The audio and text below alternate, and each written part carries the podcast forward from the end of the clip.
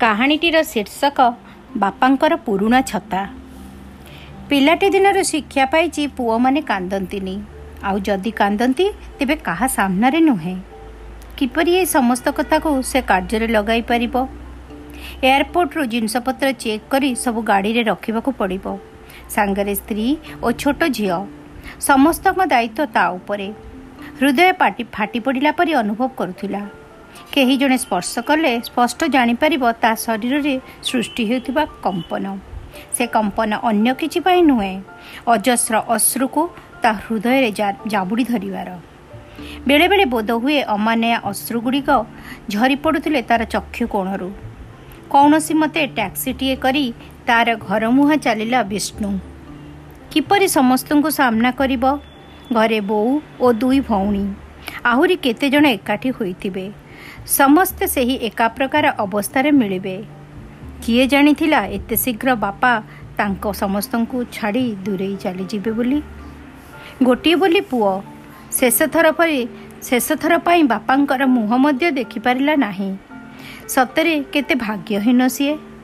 ଲୋକମାନେ ପୁଅଟିଏ ଜନ୍ମ ପରେ କ'ଣ କ'ଣ ଭାବିନଥାନ୍ତି ତା ପୁଅ ଜନ୍ମକୁ ଯଦି ବାପାଙ୍କର ମୁଖାଗ୍ନି ମଧ୍ୟ ଦେବାକୁ ସେ ସକ୍ଷମ ହୋଇପାରିନଥିଲା କ'ଣ ମୂଲ୍ୟ ତା ଜୀବନ? କ'ଣ ପାଇଲା ସେ ସେ ପଇସାଠୁ? ଏମିତି ଚିନ୍ତା କରୁ କରୁ ଚାରିଦିନ ବିତିଗଲାଣି। କି ଦିନ କି ରାତି କିଛି ଜଣାପଡ଼ୁନାହିଁ କ'ଣ ଖାଉଛି କ'ଣ ପିଉଛି କିଛି ଜଣା ନାହିଁ। ସ୍ତ୍ରୀ ମଧ୍ୟ ତା ଦୁଃଖରେ ସମବେଦନା ଦେଇ ଚାଲିଥାଏ। ଖବର ଶୁଣୁ ଶୁଣୁ ଅଫିସିଆଲ ଫର୍ମାଲିଟି ପୁଣି ଭିସା ପାସପୋର୍ଟ ସବୁ କାମ। ଛୋଟ ଝିଅଟିର ମଧ୍ୟ ଭିସା ସବୁ କାଗଜପତ୍ର ରେଡ଼ି କରୁ କରୁ ଚାରିଦିନ ହୋଇଗଲା। ଏତେ ଦୂର ଦେଶରେ କିପରି ସେମାନଙ୍କୁ ଏକୁଟିଆ ଛାଡ଼ି ଆସିଥାନ୍ତା? ତେଣୁ ସମସ୍ତେ ଏକା ସାଙ୍ଗରେ ଆସିବା କାରଣରୁ ଏମିତି ଡେରି ହୋଇଗଲା। ବଡ଼ ଭିଣେଇ ମୁଖାଗ୍ନି ଦେଇ କାର୍ଯ୍ୟ ସମ୍ପାଦନ କରିଦେଇଥିଲେ। ସାଇ ପଡ଼ିଶା ମଧ୍ୟ ଦୁଇ ଦିନରୁ ଚାରି ଦିନ ହୋଇଗଲେ କହିବାକୁ ଲାଗିଯାଆନ୍ତେ ସତରେ ଏ ମଣିଷ ଜୀବନରେ କ'ଣ ଅଛି? ଯେ ପର୍ଯ୍ୟନ୍ତ ପ୍ରାଣ ଏ ଶରୀର ସହିତ ସେ ପର୍ଯ୍ୟନ୍ତ ସମସ୍ତେ ତାର ଆଗ ପଛରେ ବୁଲନ୍ତି। ପ୍ରାଣ ଯିବା ପରେ ତାଠାରୁ ଶରୀର ସଂସ୍କାର ଶରୀରର ସଂସ୍କାରର ବ୍ୟବସ୍ଥାରେ ଲାଗି ପଡ଼ନ୍ତି। ହଁ କ'ଣ ବା କରନ୍ତେ? ଏକ ମୃତ ଶରୀର ମଧ୍ୟ ଅଧିକ ଦିନ ସୁରକ୍ଷିତ ରହିନଥାଏ ଏମିତି ଭାବୁ ଭାବୁ ମନଟା କୁଆଡ଼େ ପଳାଇ ଯାଇଥିଲା କେଜାଣି। ଡ୍ରାଇଭର ଜୋରରେ କହିଲା ସାର୍ ଘର ନମ୍ବର କେତେ? ସି ଏକଶହ ଚଉଦ। ପଛରୁ ସଙ୍ଗେ ସଙ୍ଗେ ଉତ୍ତର ଆସିଲା। ଗାଡ଼ିଟି ଯାଇ କ୍ଷଣକରେ ଘର ଗେଟ୍ ପାଖରେ ପହଞ୍ଚିଗଲା। ସମସ୍ତେ ବୋଧହୁଏ ଅପେକ୍ଷା କରିଥିଲେ ଏଇ ଜଣଙ୍କର ଆଗମନକୁ। ଗାଡ଼ିରୁ ଓହ୍ଲାଇ ଘର କବାଟ ପର୍ଯ୍ୟନ୍ତ ପହଞ୍ଚିବା ଏବଂ ବୋଉର ବିଷ୍ଣୁକୁ ଧରି ଖୁବ୍ ଜୋରରେ ଚିତ୍କାର କରି କାନ୍ଦିବା ଏହି ସମୟର ସମସ୍ତ ଘଟଣା ସ୍ପଷ୍ଟ ଭାବରେ ବିଷ୍ଣୁର ଚିନ୍ତା ଶକ୍ତିକୁ ଛୁଇଁ ପାରିନଥିଲା କିଛି କ୍ଷଣ ପାଇଁ ଅବାକ୍ ହୋଇଯାଇଥିଲା କିଏ କାନ୍ଦୁଥିଲେ ତାକୁ ଧରିକି ଏବଂ କ'ଣ ସବୁ କହିଯାଉଥିଲେ କିଛି ବି ତାର ମସ୍ତିଷ୍କକୁ ସ୍ପର୍ଶ କରିପାରୁନଥିଲା। ଆଖି ଯାହାକୁ ଖୋଜୁଥିଲା ତାହା ଭଲ ଭାବରେ ଜଣାଥିଲା କି ଆଉ କେବେ ଦେଖା ହେବ ନାହିଁ। ହଠାତ୍ ବିଷ୍ଣୁ ଯାଇ ଥମ୍ କରି ବସି ପଡ଼ିଲା ବାପାଙ୍କର ଫଟୋ ପାଖରେ ଯେଉଁଠି ଅଖଣ୍ଡ ଦୀପ ଜଳୁଥିଲା। ସୁବାସିତ ଫୁଲମାଳ ଅନ୍ୟ ପାଖରେ ଧୂପକାଠିର ବାସ୍ନା। ବାପାଙ୍କର କି ଜଳ ଜଳ ଚକ୍ଷୁ କ'ଣ ସବୁ ସତେ ଯେପରି କହି ପକାଉଥିଲା। ପୁଣି କ୍ଷଣକରେ ଅନୁଭବ କଲା ତାର ବାହୁରେ କେତେବେଳେ ବୋଉ ନିଜକୁ ଜାବୁଡ଼ି ଧରି ଖୁବ୍ ଜୋରରେ କାନ୍ଦୁଛି ଅନ୍ୟ ପାଖରେ ଦୁଇ ଭଉଣୀ।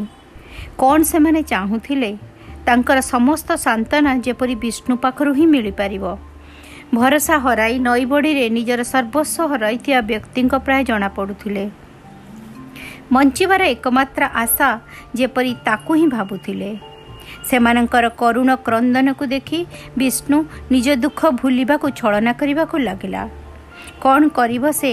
ନିଜ ମା କୋଳରେ ଛୋଟ ଶିଶୁ ପରି କଇଁ କଇଁ ହୋଇ କାନ୍ଦିବ କି ନିଜେ ମାଆର ଲୁହକୁ ପୋଛି ସାମାନ୍ୟ ଦୃଢ଼ ହୋଇ ପରିସ୍ଥିତିକୁ ସୁଧାରିବାକୁ ଚେଷ୍ଟା କରିବ?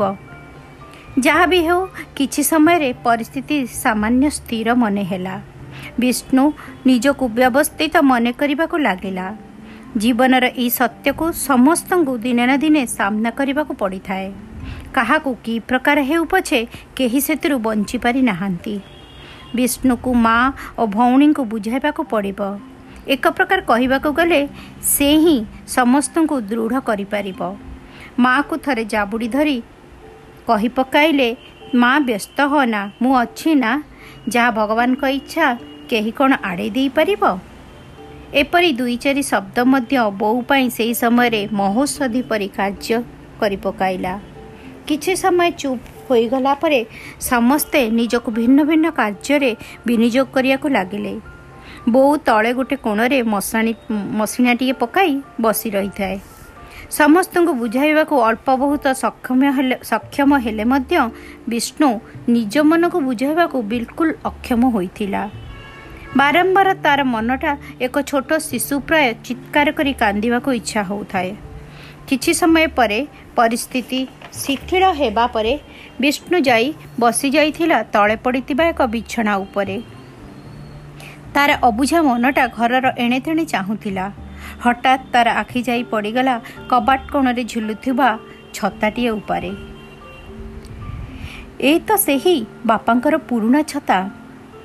ଏବେ ବି ବାପା ତାକୁ ରଖିଥିଲେ ସେ ସଙ୍ଗେ ସଙ୍ଗେ ବସିବା ସ୍ଥାନରୁ ଉଠିଯାଇ ଛତାଟିକୁ ତାର ହାତକୁ ଆଣିଥିଲା। ଛତାଟି ସ୍ପର୍ଶ କରୁ କରୁ ଏକ କରେଣ୍ଟ ପ୍ରାୟ ପୁରା ଶରୀର ମଧ୍ୟରେ ପ୍ରବେଶ କଲା ପ୍ରାୟ ଅନୁଭବ କଲା। ଏ କ'ଣ? ତାର ବାପା ତାକୁ ସୂକ୍ଷ୍ମ ରୂପରେ ଆସି ସ୍ପର୍ଶ କରୁଛନ୍ତି? କୁହାଯାଏ ଭାବନା ଗୁଡ଼ିକ ଘନୀଭୂତ ହୋଇଗଲେ ତା ମଧ୍ୟରେ ଅକଳନୀୟ ଶକ୍ତି ସୃଷ୍ଟି ହୋଇଯାଏ। ଏ ଛତା ଯେ ଥିଲା ବାପାଙ୍କର ଅତି ପ୍ରିୟ। ବାହାରକୁ ବାହାରିବା ସମୟରେ ତାଙ୍କର ଛତା ନିତ୍ୟାନ୍ତ ଆବଶ୍ୟକ। ଖରା ବର୍ଷାରୁ ବାପାଙ୍କୁ ବଞ୍ଚାଇବା ସହିତ ବାର୍ଦ୍ଧକ୍ୟ ସମୟରେ ସାହାରା ମଧ୍ୟ ବନିଯାଇଥିଲା ଏହି ଛତା। ବିଷ୍ଣୁର ମନେ ଅଛି ଅନେକ ଥର ସ୍କୁଲ କଲେଜରୁ ଫେରିଲା ବେଳକୁ ବର୍ଷା ହେଉଥିଲେ ବାପା ଯାଇ ଏହି ଛତା ନେଇ ଛକ ଉପରେ ଯାଇ ଆସି ଚାଲି ଆସୁଥିଲେ। ପାଠ ପଢ଼ିବା ପିଲା ଓଦା ହୋଇଗଲେ ଦେହ ଖରାପ ହୋଇଯିବ। ପୁଣି ପଢ଼ାପଢ଼ି କିପରି କରିବ? ଅନେକ ଥର ସାଙ୍ଗରେ ଛତା ରଖିବାକୁ ପରାମର୍ଶ ମଧ୍ୟ ଦେଇଥାନ୍ତି। କିନ୍ତୁ ବିଷ୍ଣୁର ସେଥିରେ ଘୋର ବିରୋଧ। ଛତାଟି ତା ଷ୍ଟାଇଲ୍ ସହିତ ମ୍ୟାଚ୍ କରିବନି। ପ୍ରଥମତଃ ତା ନାଁ ବିଷ୍ଣୁ ଥିବାରୁ ତାକୁ ଭଲ ଲାଗୁନଥିଲା। ବାପାଙ୍କ କହିବା ଅନୁସାରେ ଯେତେଥର ପୁଅକୁ ଡାକିବେ ଭଗବାନଙ୍କ ନାଁ ତାଙ୍କ ତୁଣ୍ଡରେ ଆସିବ। ଆଉ ବାର୍ଦ୍ଧକ୍ୟ ସମୟରେ ଯେତେବେଳେ ତାଙ୍କ ପାଖରେ ପୁଅ ନଥିବ କଷ୍ଟବେଳେ ଭଗବାନଙ୍କୁ ସ୍ମରଣ କରି ବିଷ୍ଣୁ ଉଚ୍ଚାରଣ କଲେ ପୁଅ ପାଖରେ ଥିଲା ଭଳି ଅନୁଭବ କରିବେ। ବାପାଙ୍କୁ ସମସ୍ତେ କେତେଥର ବୁଝାଇଛନ୍ତି ସେହି ପୁରୁଣା ଛତାଟିକୁ ସାଙ୍ଗରେ ନ ନେବା ପାଇଁ। ଛତାଟି ମଧ୍ୟ ପୁରୁଣା ଷ୍ଟାଇଲର। କିଛି ନୂଆ ରକମର ଛତା ସାଙ୍ଗରେ ରଖିଲେ ଭଲ ଲାଗନ୍ତା। ବୋଉ ମଧ୍ୟ ଥରେ ଏକ ଟିପାମରା ଛତା ଆଣି ବାପାଙ୍କ ହାତରେ ଦେଇ କହିଥିଲା ଆଜିଠାରୁ ଏଇ ଛତାଟି ବ୍ୟବହାର କର। ସେଇ ପୁରୁଣା ଛତାଟି ଫୋପାଡ଼ି ଦିଅ। ନହେଲେ କାହାକୁ ଦେଇଦିଅ କିନ୍ତୁ ବାପାଙ୍କର ଏକା ଜିଦ୍। ଏଇ ଛତାରେ ଖରାପ କ'ଣ ଅଛି? ଦୁଇ ତିନି ଥର ଛକ ଉପରେ ବସିଥିବା ଛତା ସଜଡ଼ାବାଲା ପାଖରେ ସଜଡ଼ା ହୋଇ ଆସିଥିଲା। ଗତ ଦୁଇ ବର୍ଷ ମଧ୍ୟରେ ବାପା ସେହି ପୁରୁଣା ଛତାଟିକୁ ଆହୁରି ପୁରୁଣାରୁ ଆହୁରି ପୁରୁଣା ଛତାଟିକୁ ନିଜଠାରୁ ଅଲଗା କରିନାହାନ୍ତି। ଛତାଟିକୁ ଅନେକ ଥର ଧରି ବିଷ୍ଣୁ ଏପରି ଅନେକ କଥା ଭାବି ଚାଲିଥିଲା। ବାପା ଯେତେବେଳେ ଏକୁଟିଆ ବୃଦ୍ଧ ବୟସରେ ବାହାରକୁ ବାହାରୁଥିବେ ଏହି ଛତାଟିକୁ ହାତରେ ଧରି ସେତେବେଳେ ସେଇ ଛତା ଯେ ତାଙ୍କର କେତେ ବଡ଼ ସାହାରା ହୋଇପାରୁଥିବ। ରାସ୍ତାରେ ଦମ୍ଭ ଭାବରେ ଚାଲିବା ପାଇଁ ଆଉ କେବେ କେବେ ଚାଲୁ ଚାଲୁ ଅଳ୍ପ ଝୁଣ୍ଟି ପଡ଼ୁଥିବେ ପଡ଼ିବା ପୂର୍ବରୁ ଏହି ଛତାଟି ତାଙ୍କୁ ବଞ୍ଚାଇ ଦେଉଥିବ। ଛତାଟି ଏକ ପ୍ରକାର କହିବାକୁ ଗଲେ ତାଙ୍କ ପୁଅ ବିଷ୍ଣୁର କମିକୁ ପୂରା କରିପାରୁଥିଲା। ବାପା ଯେତେବେଳେ ଚାଲି ଚାଲି ଥକିଯାଇ ପାର୍କରେ ବେଞ୍ଚ ଉପରେ ବସିଯାଉଥିବେ ଓ ସାଙ୍ଗମାନଙ୍କ ଆଗରେ ବିଷ୍ଣୁର ସଫଳତାକୁ ବଖାଣିବାକୁ ଲାଗୁଥିବେ ସେହି ସମୟରେ ମଧ୍ୟ ଏହି ଛତା ନିଶ୍ଚୟ ତାଙ୍କ ସାଥିରେ ଥିବ। ପାର୍କରେ ବୁଲୁଥିବା ଛୋଟ ଛୋଟ ପିଲାମାନଙ୍କୁ ଦେଖି ଯେତେବେଳେ ନିଜ ନାତୁଣୀର କଥା ଭାବି ଆଖିରୁ ଦୁଇ ଧାର ଲୁହ ଝରାଇ ଦେଇଥିବେ ସେତେବେଳେ କେହି ଦେଖୁ ନ ଦେଖୁ ଏହି ଛତାଟି ନିଶ୍ଚୟ ତାଙ୍କ ଦୁଃଖ ଅନୁଭବ କରୁଥିବ। ବାପାଙ୍କର ଏହି ଶେଷ ଜୀବନରେ ଛତାର ମହତ୍ଵ ନିଶ୍ଚୟ ବଢ଼ିଯାଇଥିବ ଏକ ପ୍ରକାର କହିବାକୁ ଗଲେ ବାପା ବିଷ୍ଣୁକୁ ଯେତେ ଭଲ ପାଉଥିଲେ ତାଙ୍କର ଭାବନା ଗୁଡ଼ିକ କେନ୍ଦ୍ରୀଭୂତ ହୋଇଯାଇଥିଲା ଏହି ଛତା ମଧ୍ୟରେ। ସେଥିପାଇଁ ହୁଏତ ଛତାଟିକୁ ସ୍ପର୍ଶ କରୁ କରୁ ବିଷ୍ଣୁକୁ ଏକ ଭିନ୍ନ ଅନୁଭବ ହୋଇଥିଲା। ବାପାଙ୍କର ଅକୁହା କଥା ସବୁ ବିଷ୍ଣୁର ଆତ୍ମାକୁ କହିବାକୁ ଚେଷ୍ଟା କରୁଥିଲା ଏହି ଛତା